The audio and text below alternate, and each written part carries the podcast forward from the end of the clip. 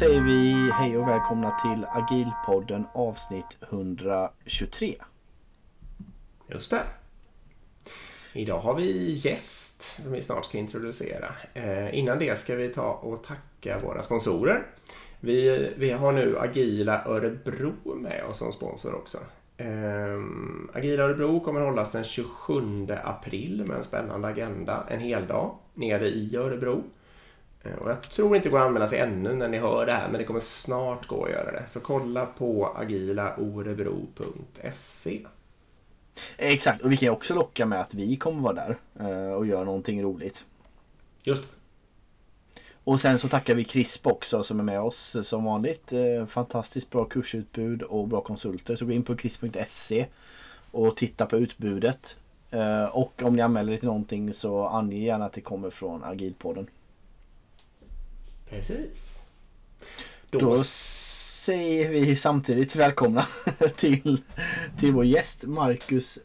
Nu ska vi se hur man uttalar det här då. Langré? La, Lagré. Mm. Langré. Lagré. Mm. Välkommen. Ja, tack så mycket. Tack så mycket. Vem är du? Vem jag är? Ja, eh, jag har jobbat många år eh, inom systemutveckling eh, i olika roller på, som programmerare från början. Och, och sen så började jag eh, intressera mig för teamutveckling och organisationsutveckling. Så att sen, sen har jag jobbat många år som agil coach. Även om jag, liksom de flesta andra i den rollen, inte verkar helt bekväma med den arbetstiteln. Men det är väl det jag är. Liksom. Mm. Mm. Coolt. Och Uh, varför du är här så att säga, det är för att du har kommit på en, eh, en formel för stress eller en stressekvation, eller hur? Ja, och det har att göra med, det är ett litet specialintresse jag har. Dels för att jag själv har varit drabbad av stress, men också många i min närhet. Och jag tycker att det är liksom dags för organisationer och team att ta tag i stressproblematik på en systemnivå. Eh, För stress, eh, till skillnad från de flesta andra arbetslivsmiljö, arbetsmiljöproblem, det trycks liksom alltid ner på individnivå. Det är alltid individen som får hantera stressen eller liksom lära sig att hantera den. Men det är dags liksom att titta på det på systemnivå, tycker jag. Och det var därifrån stressekvationen eh, uppkom. Det låter smart. eh, helt klart. Jag håller med dig att eh, eh, det känns som att eh, det är upp till varje individ att, att hantera sin egna stresssituation. Eh, snarare än att, att, göra- att man gör det på någon strukturell nivå.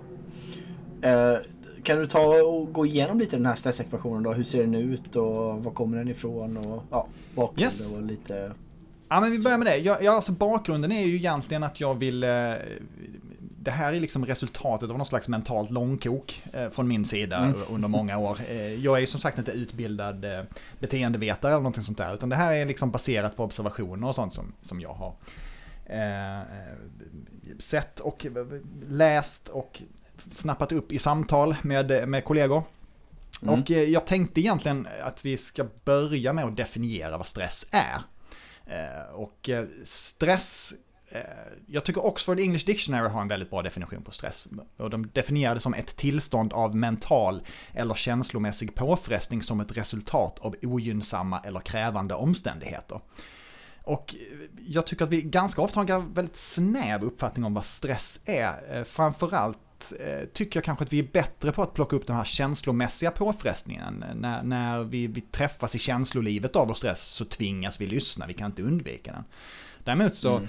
den mentala påfrestningen är vi liksom lite, lite sämre på att lyssna på. Och eh, framförallt eh, vi som liksom är kanske utbildade och, och, och ska säga, kunskapsarbetare, vi är liksom vana vid de här lite mentala utmaningarna, att vi, vi triggas lite av det. Så vi lyssnar inte på den stressen, utan vi tänker bara, ah, men om jag bara anstränger mig lite till och pluggar på lite till, det är någonting jag inte har fattat ännu som jag måste lösa. Så, så kommer jag liksom att pusha mig igenom det här. Mm. Och samma sak tänker jag egentligen med de, o, då med de ogynnsamma eller krävande omständigheterna. De, de krävande omständigheterna kan vi vara ganska bra på att förstå att det liksom, ja det var en kort deadline så vi fick plöja hela helgen men, men nu, nu är vi igenom det liksom. Däremot de Mm. ogynnsamma omständigheterna är vi ganska dåliga på att snappa upp, för de är inte lika lätta att sätta fingret på. För de uppstår ju oftast av liksom en cocktaileffekt av olika ineffektiviteter som vi dras med i vår organisation. Stora eller små, men det är, det är, liksom, det är en kombination av grejer som gör det svårt att göra vårt jobb. Så det är så jag definierar stress då i alla fall. Eller som Oxford Mm. English Dictionary, jag ska väl inte ta cred för Oxford English Dictionarys definition av stress. Men då har jag då liksom gjort en, en eh, tankemodell för att kunna diskutera var stressen uppstår på en systemnivå. Och det här och då eh, utmynnat i stressekvationen då, som säger att eh, stressnivån i en organisation är lika med pressen multiplicerat med komplexiteten dividerat med tryggheten. Det vill säga Mm. att press, eh, stressen ökar alltid i en organisation med ökad press. Och stressen ökar oftast alltid också med en ökad komplexitet, men framförallt i kombination med varandra. Alltså både press och komplexitet, då får du en väldigt eh, hög utväxling på stressnivån. Däremot så sänks stressnivån alltid av en ökad trygghet i organisationen. Mm. Ehm, och eh, jag ska väl lite grann börja med att säga att jag, jag inte tror att stressnivån kan eller bör vara noll i en, eh, i en organisation. Eh, Det, det handlar liksom inte om att, att minimera täljaren och maximera nämnaren och få någon sorts nollsumma. Och, och då Mm. får man väl säga att täljaren är på taket och nämnaren där nere och kvoten är i kanten. Så att folk kommer ihåg sin mellanstadiematte. Men det handlar liksom om att hitta en balans mellan det och, och hitta ett sätt att diskutera var stressen uppstår någonstans. Ja, precis. Du är inte ute efter ett numeriskt värde i den här ekvationen egentligen, eller hur? Utan du, du Nej, ger det här är- förhållandet till varandra liksom. Mm. Man får vara försiktig när man presenterar den här för, för ingenjörer, för de vill ju ha en, en, en matematiskt fungerande funktion och det här är inte det, utan det är en, en, en visualisering och en, en diskussionsmodell, kan man snarare kalla det. Ja, Eh, Jag, jag får säga också bara, jag tror att det kan vara bra. Visst kan vi väl ta den här bilden och lägga den på våran Insta kanske? ja verkligen. okej? Ja, så att om vi gör det strax efter uh, inspelningen nu, då kommer ni, om ni letar på våran Insta så kan ni sitta och titta på den när ni lyssnar ifall att ni har möjlighet till det. Jag tror det är lättare att hänga med då. Ja, det, den, den, det underlättar att se den. Vi har Ja. den framför oss och det, det underlättar Exakt. helt klart. Exakt. Nej men precis tillbaka lite till det här då som du sa med eh, vi är inte ute efter noll här för vi vet ju samtidigt då att eh, viss press och viss, alltså viss komplexitet vill du ha så att säga. För har du inte det så kan det ju handla om att du ska måla liksom, ja, men samma vägg tusen gånger om bara liksom. Och du har oändlig tid på det. Komplexiteten är noll och du har ingen press. Det skulle de flesta människor tycka var ganska tråkigt eh, att hålla på med. Ja, och har du ingen Eh. press så brukar man inte ha någon större, eh, alltså man har inget incitament att leverera. Utan då, då, då slutar man bli effektiv. Och som, som du själv säger, är komplexiteten noll så borde ju det arbetet vara automatiserat. Eller du borde ha dresserat ett djur att göra Mm. jobbet åt dig. Liksom. Och jag tror faktiskt, nu kanske man inte ska säga så riktigt, men jag tror faktiskt att har du också en oändlig trygghet, då har du inte heller så mycket incitament, utan då sitter du liksom med en pina colada under ett parasoll och, och gör ingenting. Liksom. Mm. Så det inte handlar helt inte om heller det. dock men Nej, nej, det låter inte helt fel, men ur ett produktivitetsperspektiv så är det kanske inte optimalt. Nej, nej det, kan- det, kan- det kan jag köpa. Absolut. Mm, okej. Eh, ja, okej coolt. Och sen hur liksom, när vet man att det här blir för mycket då så att säga? När man vet att det blir för mycket, ja men det är ju om man, om man märker att det är stress i, i, stress i press i organisationen under lång tid och så här. Men, men vi kan väl, för att återknyta de här eh, eh, eh, orden lite grann till, till Mm. management-lingo som jag brukar eh, säga. Så, så kan man ju säga att eh, taktiska beslut påverkar pressen. Eh, Och eh, strategiska beslut påverkar komplexiteten och kulturen i ett bolag eller ett team eh, påverkar tryggheten. Mm. Och det jag menar med det är liksom att taktiska beslut är sånt som avgör hur mycket vi anser ha oss att göra och hur lång tid vi anser att vi har på oss att göra det. Till exempel. Och vi kan, ju, vi kan ju dyka ner lite mer i press, pressvariabeln här då. Mm. Och, och eh, eh, liksom, vad, vad menar vi med press? Eftersom jag definierade stress här innan så vill jag definiera press också. Och då är det ju liksom känslan av angelägenhet, vilket är en översättning på en engelska då, sense of urgency, som är lite klatschigare. Liksom. Mm. Vad, är det som, vad är det som får oss att känna eh, angelägenhet att leverera? Eh, och vad är det då som avgör eh, den här angelägenheten? Och där har jag definierat då två olika kategorier. Eh, och det ena är, eller inom beteendevetenskap så pratar man om inre och yttre motivation.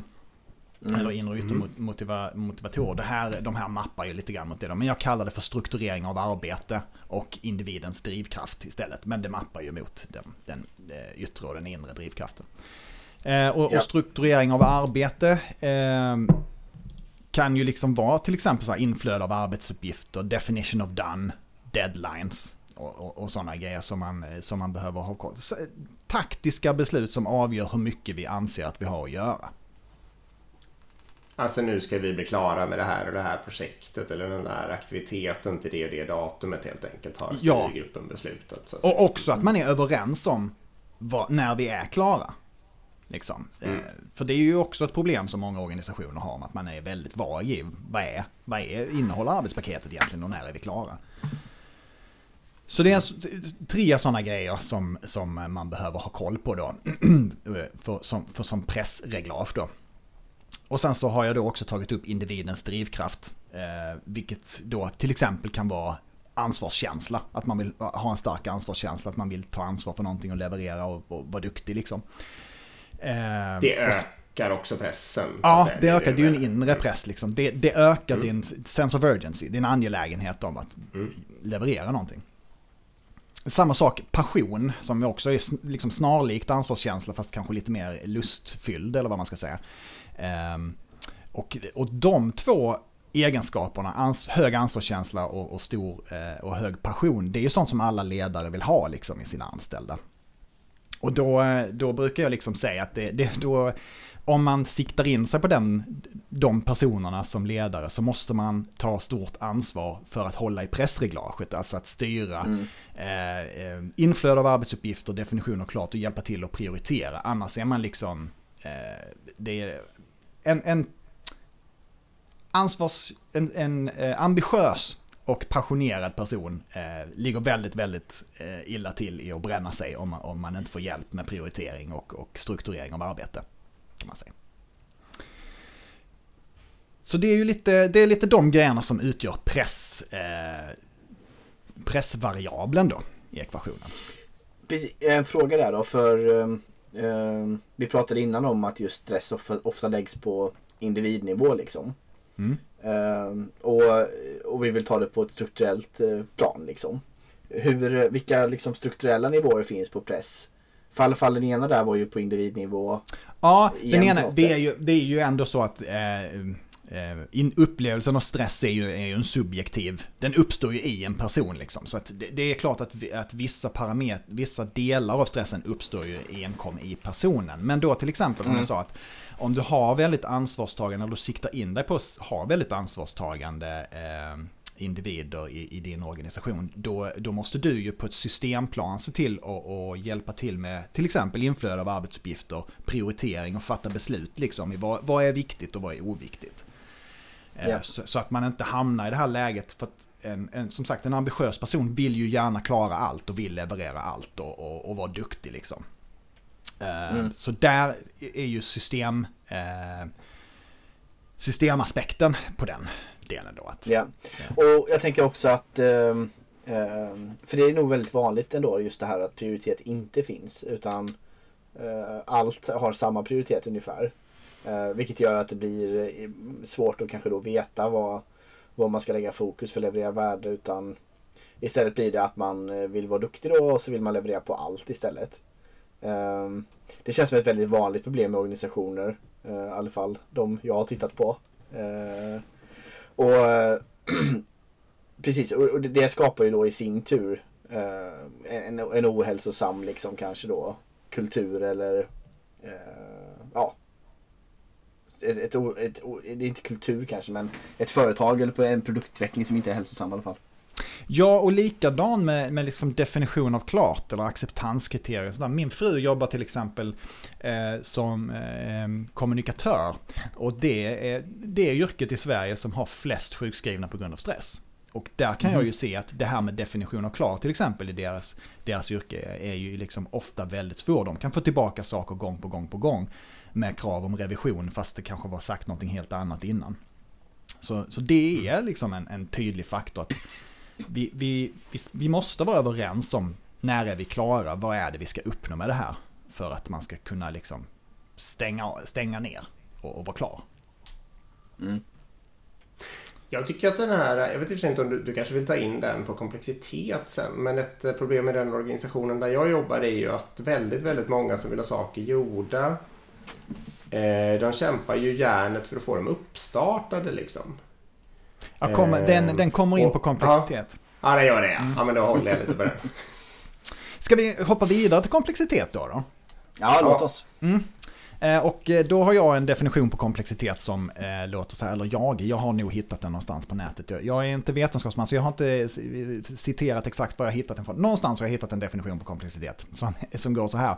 Ett tillstånd eller egenskap som gör något intrikat eller komplicerat, till exempel genom att bestå av många delar, vara svårt att förstå eller överblicka. Och då brukar jag ju dessutom smälla till med Mary Poppendicks eh, citat. För er som inte vet vem Mary eh, Poppendick är så är det hon som myntade begreppet Lean Software Development en, en gång i tiden. Och hon har jämfört komplexitet i organisationer eh, med högt kolesterol i människokroppen. Att du är förmod, som organisation är du förmodligen inte medveten om att du har komplexiteten eller det höga kolesterolet förrän du tittar efter den. Men har du otur så tar det koll på dig. Eh, Så det är liksom, det här med komplexitet är en väldigt eh, viktig hälsoindikator skulle jag vilja säga för, för organisationer. Har du högt kolesterol liksom, då blir, då blir du andfådd och saker går tungt väldigt fort, liksom, så fort du sätter lite press på det. Och eh, som jag sa då så är det typ så strategiska beslut som påverkar eh, komplexiteten, eller kanske snarare brist på strategiska beslut, eller dålig disciplin i efterföljden av strategiska beslut. Alltså har du ingen, har du ingen ordentlig eh, teknisk strategi eller struntar dig i att följa den och så här liksom, till exempel. Men här vill jag också då säga att det är två, två kategorier eh, av, som utgör komplexiteten. Och den ena kallar jag för kognitiv belastning och den andra kallar jag för tröghet i systemet. Eh, och lite snabbt då, kognitiv belastning, det handlar ju om, om, om hur mycket arbetsminne som krävs för att kunna utföra en uppgift. Eller hur, hur, hur, mycket, hur ofta du behöver byta innehåll i arbetsminnet. Och så där. Då blir det hög kognitiv belastning. Och inom, inom systemutveckling så kan det ju väldigt fort bli väldigt hög kognitiv belastning om du har ett eh, lite röten arkitektur. Jag satt, eh, jag satt i ett eh, team en gång där vi hade vi hade ett system som hade växt fram under 20-25 år. Det hade kommit in eh, folk och lagt till lite grejer och sen hade de försvunnit. Och sen så, så att vi hade totalt 10 programmeringsspråk. 10 programspråk att hålla reda på i produkten. Eh, att uppdatera en parameter liksom från databas ut till, eh, till fronten så var det liksom 5-6 programmeringsspråk man var tvungen att behärska för att göra det. Vi hade en extremt hög kognitiv belastning.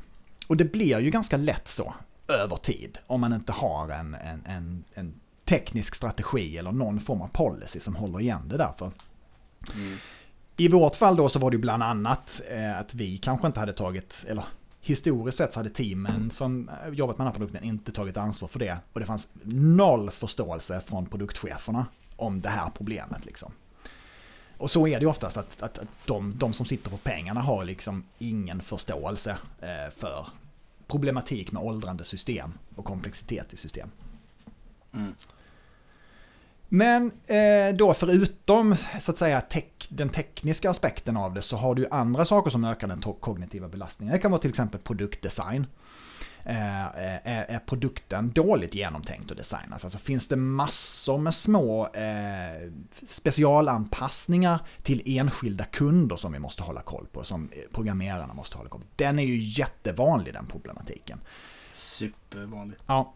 Eh, likadant att vi har kanske infrastruktur och verktyg. Och infrastruktur är kanske inte anpassad efter belastning. Som vi har väntetid i testsystem och byggsystem som liksom eh, bygger upp frus- frustration i verksamheten. Likadant med verktyg.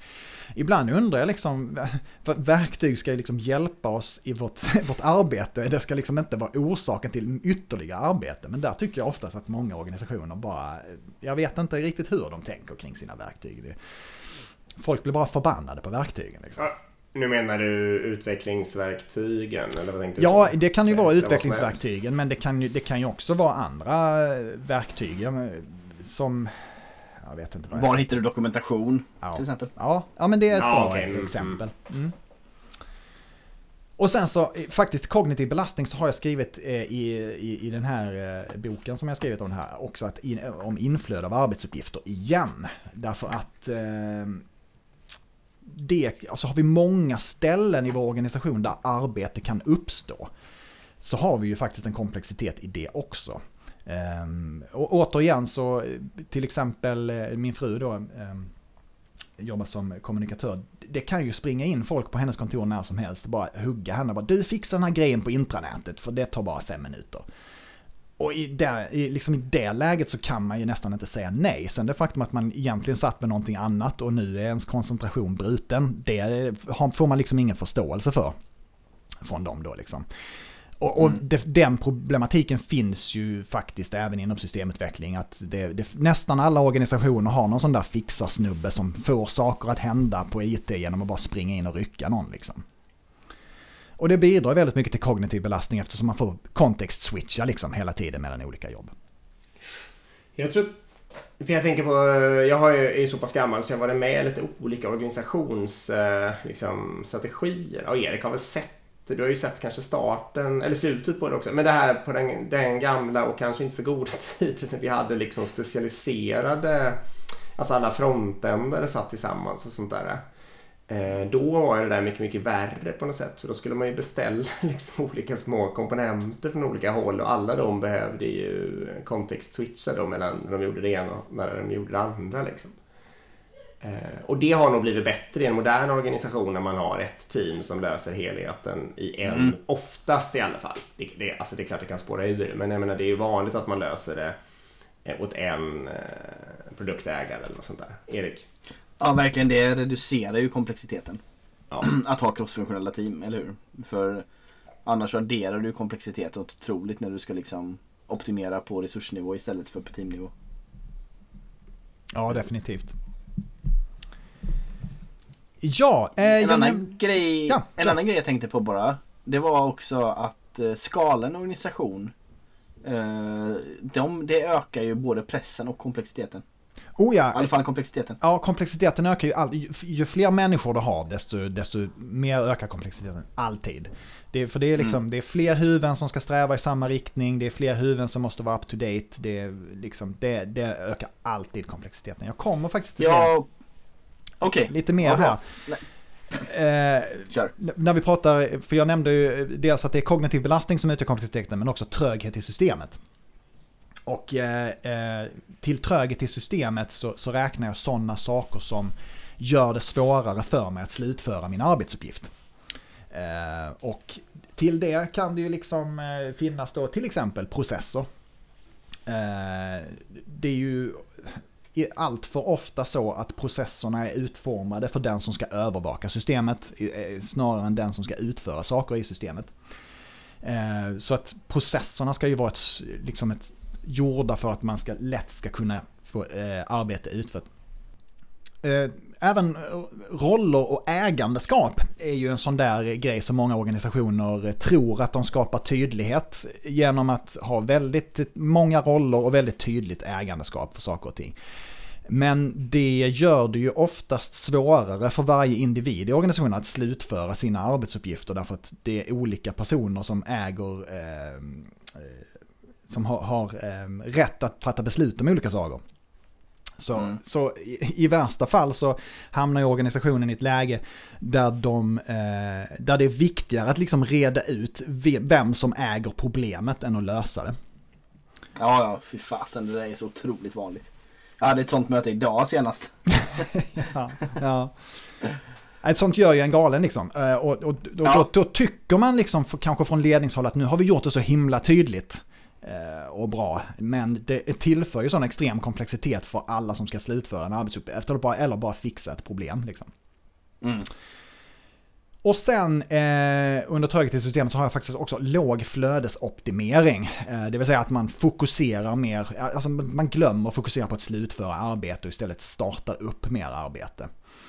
Sjukvården. Eh, ja, lite, lite så. Eh, och ehm, Ja men som jag sa där innan, eh, liksom, jag tycker det är en ganska bra eh, jämförelse med det här med kolesterol. För högt kolesterol, det, det, det, det, eh, det gör liksom att blodet flödar sämre och du får sämre syresättning. Och lite så är det faktiskt med liksom, om, om arbete flödar dåligt genom systemet eller genom organisationen, då får du ganska låg syresättning i, i organisationen och allt börjar gå långsammare och långsammare. Och till slut så kanske du till och med anställer lite fler projektledare som ska hålla koll på mm. alla grejer som är uppstartade och koordinera grejer. Så du skapar liksom mer arbete för arbetet. Liksom.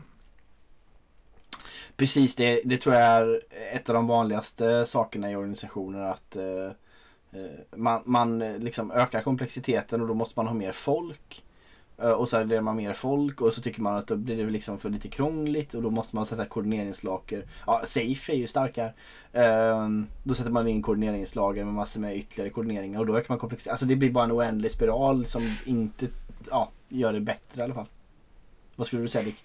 Nej, jag ska bara återknyta till det där liksom att jag tycker att vi, det har kanske blivit lite bättre men jag tycker verkligen att det finns en sån sjuka ibland att eh, eh folk vill ha sin grej uppstartad och sen lugnar de ner sig.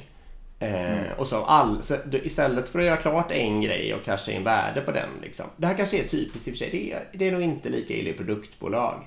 Men i, när man håller på med stödjande så blir det så här. För då är det en massa olika intressentgrupper. Alla vill ha igång sin grej.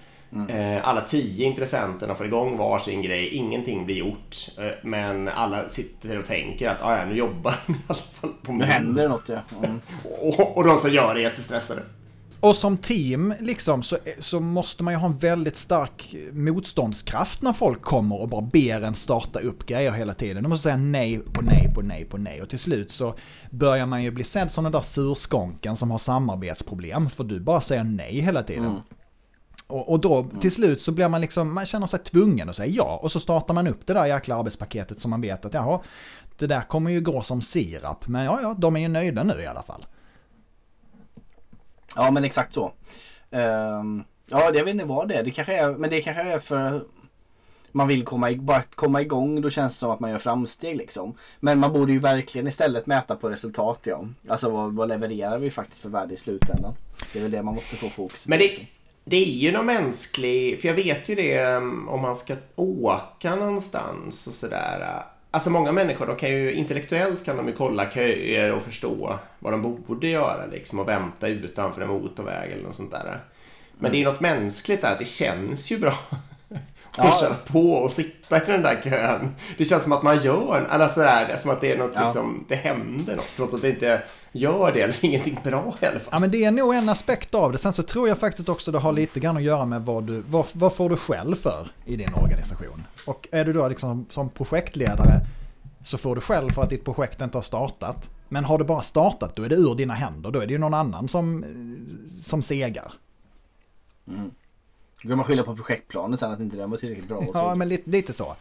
Så att eh, mm. det, det är en sån där grej som man, man ska titta efter i organisationer. Vad, vad får man själv för i den här organisationen och på vilket sätt hämmar det oss liksom? Mm. Bra poäng.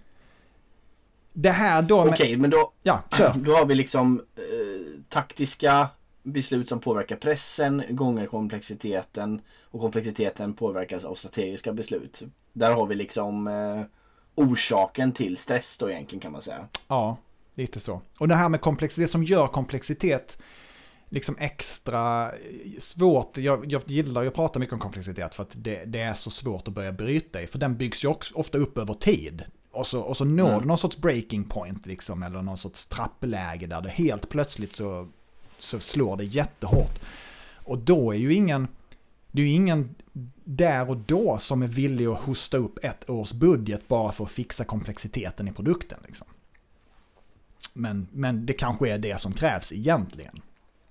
Mm. Jag har ett sånt citat eh, från Alfred North Whitehead, eh, som är filosof och matematiker. Han skrev eh, Principia Mathematica tillsammans med Bertrand Russell. Han beskrev det som att civilisationen avancerar genom att utöka antalet viktiga operationer som vi kan utföra utan att behöva tänka på dem. Och den där skulle jag ju vilja att fler organisationer hade som någon sorts mantra liksom. och jag brukar säga att min, min, min, variant av det är liksom att organisationen avancerar genom att fler viktiga saker kan bli gjorda utan att det kräver någon större insats. Men det är väldigt få organisationer som har det som någon slags mantra. Mm. Här brukar vi också det- säga... Ja, gå, kör Dick. Nej, har några bra exempel bara så jag kommer in i. Exempel på?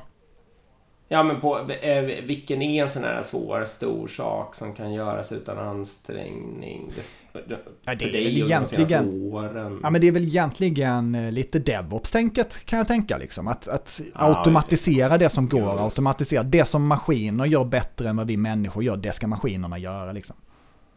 Till exempel. Om man till exempel tar sig oma... För att man jämför med man hade en gammal testgrupp som satt och jobbade med manuella tester och så tar man sig ändå, jag kallar det vad du vill, men omaket att bygga sin pipeline, vilket ändå är ganska jobbigt. Mm. Då har man gjort ett exempel. Ja, mm, Nej, men det, är, och det är ju väldigt smart. ju. Mm. Vi brukar Nej, prata lite om uh, Dick här att eh, vi, vi föreslår ju eh, liksom organisationer, produktorganisationer att inte nyutveckla på ett år. Alltså inte skapa en enda till feature på ett år. Och istället lägga tiden på att ett, mäta vilka saker de redan har byggt som används och inte används och sen bygga bort. Eh, och sen lägga resten av tiden på att automatisera och så vidare. För det du gör då är ju att du eh, sänker komplexiteten drastiskt liksom. Eh, vilket kommer vara väldigt gynnsamt.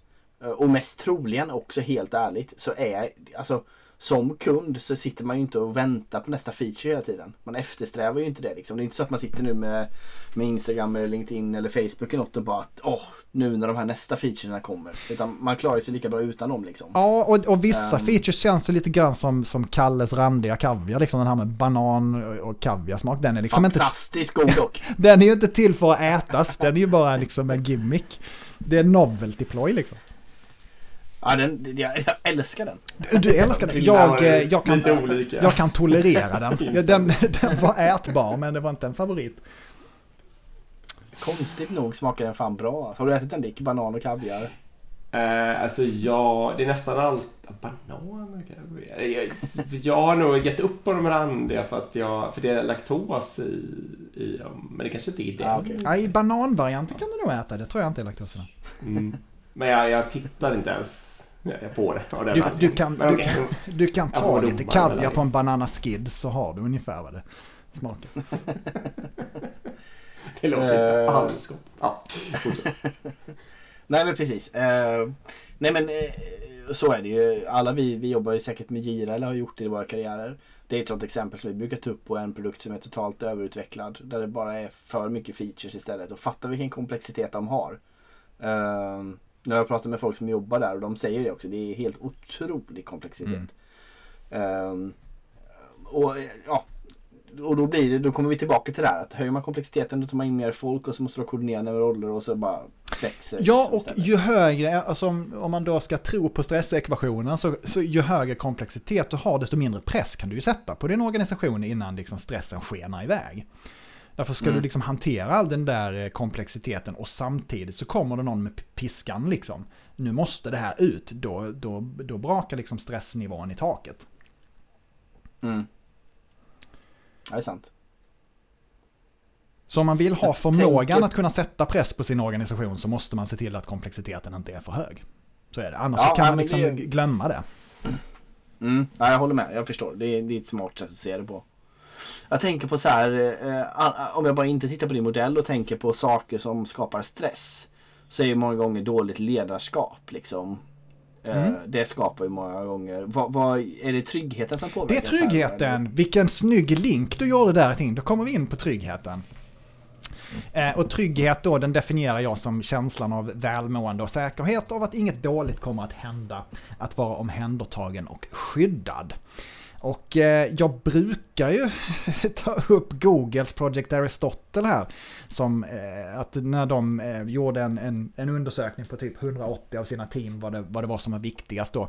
Och att det var psychological safety som var den viktigaste aspekten för, eller den viktigaste gemensamma nämnaren för alla deras högpresterande team. Nu vet jag inte riktigt hur bra det går för Google med sin psychological safety efter att se hur de sagt upp personal den senaste tiden. Men jag, okej, åtminstone Project Aristotle står ju i alla fall fortfarande eh, som ett gott resultat. Eller som en, en, en god eh, fackla i, i, i mörkret för psychological safety.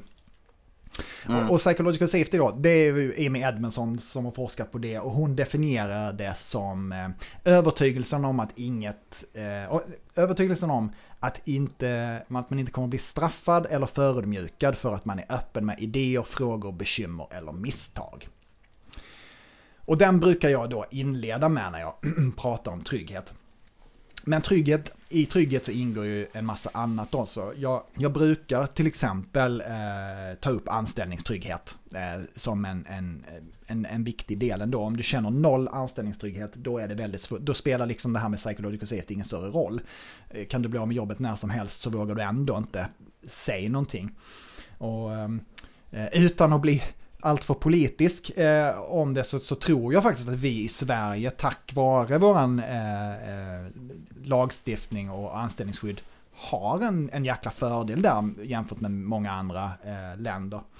Eh, därmed inte sagt att man kan diskutera LAS och sådana här grejer, men jag tror att eh, vi svenska bolag bör vara medvetna om vad de får, grat alltså får på köpet med den där lagstiftningen. Och det är den här anställningstryggheten, vilket ger en ökad trygghet i organisationen. Mm. Men till... Vi har ju ja. pratat, jag ska bara flika ja. in, vi pratar om det fram och tillbaka ibland just äh, att det, det är klart det är olika kulturer och allt möjligt men att äh, det är ett problem i USA ofta kan man tänka sig. Äh, att, att de antagligen hade haft högre innovationsgrad med allt annat bra som de gör. Mm. Om inte folk hade varit så rädda för att bli av med jobben mm. hela tiden. Ja. Liksom. ja. men jag tror det. Vad är det de har? Two weeks ja, notice liksom? Mm. Ja exakt. Ja eller en Tyska. dag. Ja. Tyska organisationer hade kanske också varit mer effektiva. Mm. De har också lite samma kulturproblem. Ja. Yes. Eh, nej men och till trygghet då så räknar jag också då till exempel psychological safety då. Att man, att man vågar eh, att man, att man vågar vara öppen med, med, med farhågor eller att man kan be, erkänna misstag. Eh, att, man, att man kan ja, men att man kan erkänna fel helt enkelt och att det ses som eh, prestigefyllt. Att det inte ses som ett prestigetapp mm. att, att erkänna ett fel till exempel. Um, men vi har också saker som servant leadership, till exempel räknar in där att jag som anställd känner att ledningen eh, faktiskt är på min sida, att de jobbar för mitt bästa. Eh, och att jag inte är toppstyrd utan att jag har inflytande över min vardag och mitt expertisområde. Eh, och att man liksom, eh, men också liksom är faktiskt eh, att, att ledarna känner att de har, att de får lov att göra det. Eh, och att de inte, jag brukar säga att, att eh, servant leadership handlar om att ha en stöttande och uppföljande funktion, inte en avkrävande och stötta, eller avkrävande och uppföljande funktion. Eh, man ska stötta snarare än avkräva. Men sen så handlar det också om eh, förtroende och tillit i organisationen, att man kan känna förtroende för varandra och, och, och, och tillit. Ehm, men då, då brukar jag faktiskt också säga, framförallt när jag pratar med systemutvecklingsteam som ofta vill liksom att att ledningen ska lita på dem och inte komma och lägga sig i vad de håller på med. Då, då brukar jag liksom säga att ja men för att någon ska kunna visa förtroende för er så måste ni faktiskt kunna visa pålitlighet och transparens. Ni måste kunna visa att ni faktiskt gör det ni säger att ni ska göra och ni måste vara transparenta med eh, vad ni gör och, och, och, vad era intentioner är. För eh, liksom, tillit och, och förtroende kommer inte gratis. Liksom. Där kan jag tycka att en del eh, team är lite dåliga, oftast. Det kan de behöva lite hjälp med det är väl det här klassiska att man... Alltså om den eh, teamen kommer för långt ifrån produktägande organisationen, det är det du pratar om ja. antagligen, eh, så finns ju inget förtroende åt det hållet och då heter det alltid att de maskar och latar sig och sådär. Jag tycker ofta att då, det finns ofta ingen demo då. Eh, utan det jobbas ofta liksom i, i det tysta på något sätt och sådär under lång... Man vill ha arbetsro under lång tid och då kan ju de där problemen eskalera något enormt. Mm. Liksom. Mm sett många gånger. Till trygghet så brukar jag också faktiskt prata om empati. Eh, att, att man måste kunna känna empati med varandra, att man kan eh, att ha förståelse för att man uppfattar saker olika. Man behöver inte känna sympati nödvändigtvis, man behöver inte tycka att den andra personen har rätt i det den känner. Men man måste kunna acceptera att den personen känner en viss sak och, eh, och, och kunna förstå var den kommer ifrån för att kunna hjälpa personen i fråga. Och så brukar jag faktiskt också eh, eh, räkna hit tydlighet i ledarskap. Eh, tydlighet och konsekvens i ledarskap. Liksom. Att, att man inte eh, till exempel drar upp någon sorts eh, Code of Conduct-slide på, på den årliga bolagskonferensen och där står det en massa fina värdeord och sen så agerar ledningen precis tvärtom resten av året. Eh, då har man ingen tydlighet eh, och ingen, eh, inget konsekvent beteende i, i, i, i ledarskapet. Och det är väldigt viktigt för tryggheten att kunna visa upp det. det min, min spontana reaktion här är ju att tryggheten är ju viktigast egentligen. Av alla de här sakerna. För jag tänker att uh, om man har en chef som eh, på 100% stöttar en och liksom man har en, en, en eh, bra relation liksom och det, det är transparent och ja, man, man, känner sig säker och så vidare. Eh, då kan man också många gånger kastas ut i ganska hög komplexitet och hög press. Om man vet att man kan landa tillbaka i att eh, jag kommer inte få sparken på grund av det här eller jag kommer inte få dålig lönerevision eller jag kommer inte, det kommer inte straffa mig personligen liksom att jag hoppar in i det här osäkra delen av organisationen eller projektet eller vad det nu kan vara liksom. Det är ju därför... Det känns som att det är en ganska stor effekt. Ja, liksom. det är ju därför tryggheten är nämnaren liksom. Den, att jobba med den sänker alltid stressnivån. Liksom. Det, det hjälper mm. alltid. Eh, sen, sen kanske det inte räcker hela vägen alltid om du har extrem komplexitet och extrem press. Då kanske det brakar i alla fall. Men tryggheten är liksom någon, det är ändå någon sorts grundplatta liksom. Japp. Jag undrade det här äh, med... Mm, alltså en sån här gammal sanning är ju att om man inte har makt över sin egen arbetssituation eller sin egen arbetsdag liksom. Alltså om det hela tiden är någon annan som bestämmer nu ska du dit, nu ska jag det. Man är händelsestyrd istället för att kunna liksom välja själv. Då brukar man bli mycket mer stressad. Ja. Vilken av de här tre är det egentligen? Eh, ja, men den faller ju under trygghet. Alltså, där tänker jag då att det faller under servant leadership. Att, att jag eh, är, har autonomi i mitt expertisområde. Och att jag kan påverka min, min, eh, min, eh, ja, min vardag. Att jag, att jag inte är toppstyrd. Ja. Mm. Det kan också vara press tror jag. Mm. Ja, det, det kan... kan ju vara för jag precis, Det kan ju också vara lite för att om man om man riggar arbetssituationen dumt, eller eh, och vissa arbeten är ju mer sådana till naturen givetvis, liksom att de är triggade av yttre, till exempel fysiska, alltså man är brandman eller något sånt där. Alltså, blir det mer att göra när det brinner och så vidare. Alltså mm. att man eh, Precis, men det är väl en kombination då kanske av yttre ja, och, och, och jag, Det är ju som sagt ingen, liksom. ingen eh, fullt fungerande matematisk eh, funktion. Så att man, man kan ju lite grann, alltså man kan ju diskutera var, var saker faller. Man behöver inte ta mig på orden, utan det, an, an, fyll på vad ni vill över att En sak som jag till exempel har insett som jag faktiskt inte tog upp när jag skrev boken och det här, det är ju liksom att en sak som förändring slår på alla parametrar samtidigt för vissa. Alltså att mm. du, du, du kommer en förändring där du måste lära dig någonting nytt, då kan du känna en press för att du måste lära dig det. Förändringen innebär att saker och ting blir annorlunda än det du kan, då ökar komplexiteten för dig och du, du känner dig inte heller lika trygg när du inte vet exakt vad som händer. Liksom. Så att man ska inte se det som att allt jag, liksom, de exemplen jag gett är hela sanningen, utan bara se det som ett sätt att strukturera och, och, och, och kunna diskutera ut, era egna utmaningar. Liksom. Jag känner lite att jag avslöjade mig som eh, stereotypen av någon slags ingenjör. som, vi, som vi varnade för i början. Mm. Ja, exakt. Ja, vi är ju det dessvärre. Men eh, precis, och det som jag tycker, det som vi, vi ska säga här också är ju då att kulturen påverkar tryggheten, eller hur? Ja. Precis som taktiska beslut påverkar pressen och strategiska beslut påverkar komplexiteten. Uh, och jag tänker då att, uh, att för att använda den här modellen då så som jag kanske skulle använda den skulle ju vara att till exempel med en ledningsgrupp eller med sin grupp eller sitt team eller vad det nu kan vara. Att man tittar på den här och så börjar man identifiera hur ligger vi till på vårt företag. Liksom. Vad skulle vi säga att vår trygghet är? Liksom, är det där vi är starka? Eller är vi svaga på tryggheten men vi är ganska svaga på press och komplexitet också. Så att så man börjar hitta liksom sin, sin balans liksom i ekvationen. Och då, då kan man ju på så sätt ha det som en, ett hjälp kanske att identifiera förbättringsåtgärder eller smalna ner problemställningen. Ja, definitivt. Jag brukar ju, jag vet att det har varit lite diskussioner inom olika agila forum vad kultur är. Liksom. Och jag brukar, jag brukar eh, säga att den, eh, kulturen i ett bolag eller i ett team, det, väldigt kortfattat handlar det om hur, hur pratar vi med och om varandra. Det är liksom baseline på kultur. Eh, Dels hur vi pratar med varandra liksom när vi står ögat mot öga, men också hur vi pratar om folk som inte är i rummet. Vad var det? Erik, du hade ju någon... ehm, det är en snarlik, men det var väl så här att din organisationskultur definieras av det sämsta beteendet du eh, accepterar. Mm. Mm. Ja men det är väl också en rätt så bra, bra klatschig definition på det. Ja, det var någon gammal Det- sån. Mm, den är ju snarlik. Som sagt. Ja.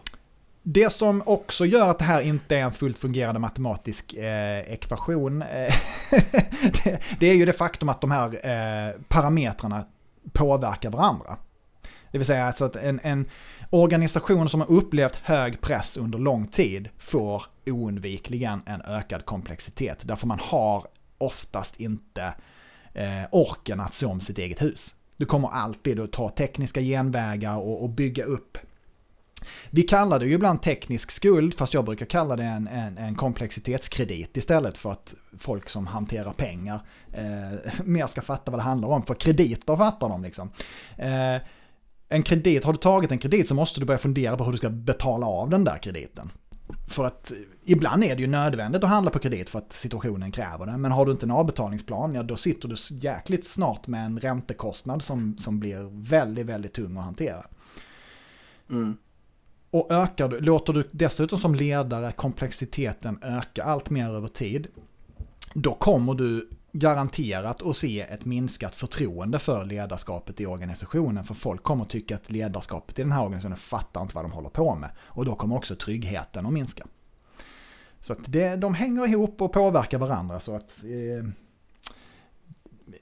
ja, det blir inte en Ja, helt ju fungerande matematisk funktion. Ja, jag förstår. Det är okej. Mm, tack. Nej men så det är, väl, det är väl ungefär det som är stressekvationen kan man säga. Ja, kul. Ja, verkligen. Kanske. Intressant sätt att se det på. Ja, jag känner redan att jag har börjat...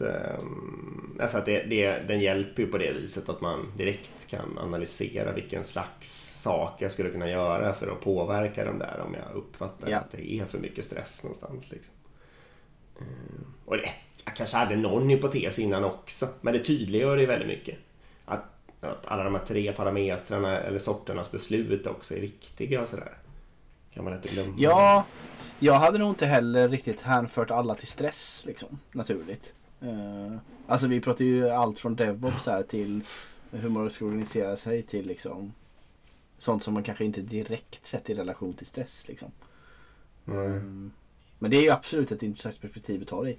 Om man ska lösa stressnivån på, ett, på en strukturnivå eller på en organisator, organisatorisk nivå så kanske man borde ha något eh, mätvärde eller man kanske borde ta någon temperatur på hur folk känner sig stressade.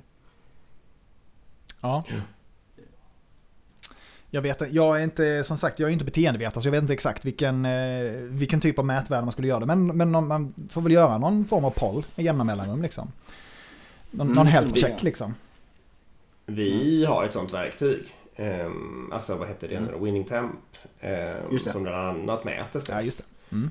Eh, och då är ju några av frågorna är ju designade så. Så att de, så, de, så finns det en koppling till stress och sen så får man eh, en signal om det är i en viss del. I mitt fall får jag, jag kan ju se det i, alltså, jag får reda på vilken del av organisationen som det är. Liksom.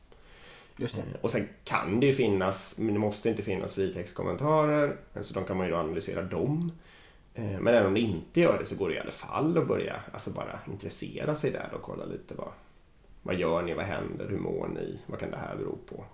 Ja, men jag tror ju också just det här att diskutera definitionen av stress har jag liksom ins insett också vikten av. Att det liksom, vissa har ju den här uppfattningen att stress, då är det liksom, då är det tryck över bröstet och det är då, men då har man ju egentligen redan kommit, nått för långt liksom. Då har det ju gått alldeles för långt. Så att man, man, man diskuterar liksom både den här mentala och den känslomässiga påfrestningen och att det, det inte bara behöver vara. För som sagt det här teamet som jag pratade om innan, med tio olika programmeringsspråk. Vi jobbar ju oftast inte en enda övertidstimme, men vi höll ju på att haverera allihop liksom, för att det, var, det blev Mm. för mycket till slut. Liksom. Det är förståeligt.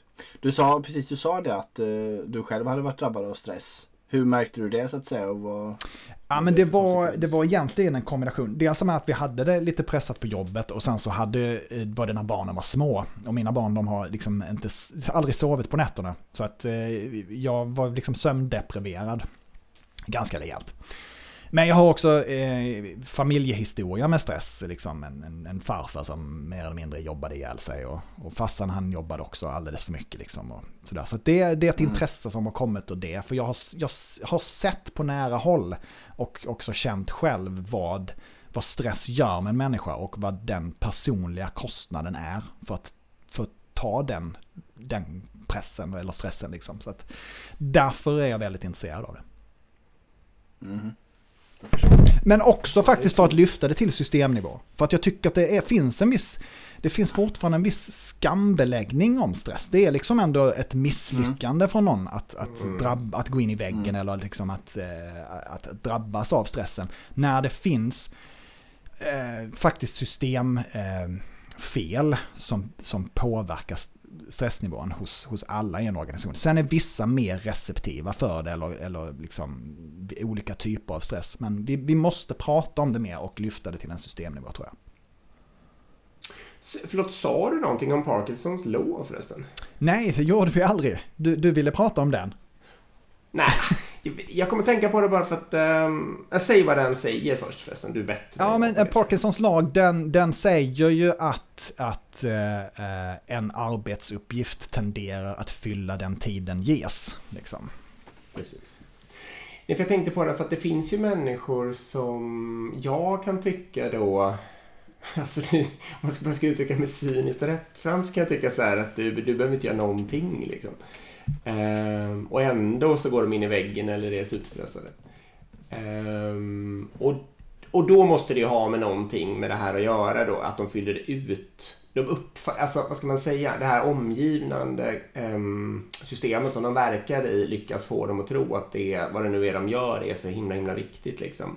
Och så fyller de upp det eh, och gör det dessutom lite för mycket då hela tiden på något sätt och blir stressade trots att det egentligen inte behöver hända särskilt mycket överhuvudtaget. Nej men det kan, ju, nej, men det kan ju också vara så att det är otydligt exakt när det är klart eller liksom vad det är som är förväntningarna. Det kan ju också vara så att det, det, man, Ja. man, liksom, man tycker att nej, men det, här, det, här, det här lilla kan väl inte vara allt som krävs av mig. Så bara blåser man upp det i huvudet Mm. och kör på liksom. Och jobbar och jobbar ja, tills det blir så mycket. Nej men det är väl antagligen så. Det är väl en kombination där av otydlighet och det här att fylla upp sin tid. Mm. Mm. Så, Okej, du nämnde också... Och- ja, ja, förlåt. precis. Kör Erik. Nej, jag skulle runda så kör först. Ja, jag skulle kanske också runda. Jag skulle säga, visst nämnde du att du skrivit en bok? Ja. Eh, och precis, berätta bara. Den, den hittar man på eh, markuslagré.se stressekvationen. Den finns också på Soundcloud inläst av författaren själv. Eh, om man hellre Ja. lyssnar på den i bilen till jobbet. Den är inte så lång, det tar typ en och en halv timme. Måste. Okej, coolt. Äh, men, eh, tusen tack då. Om man vill hitta dig som sagt och din hemsida finns och så antar jag att det finns på LinkedIn och så vidare Jajamän. också. Det gör jag. Mm. Marcus Coolt. Och Marcus stavar du med C? Yes, det gör jag. kanske har köpt bok. Ja, precis. Då tackar vi så mycket för att du kom och var med och berättade Mm. om det här.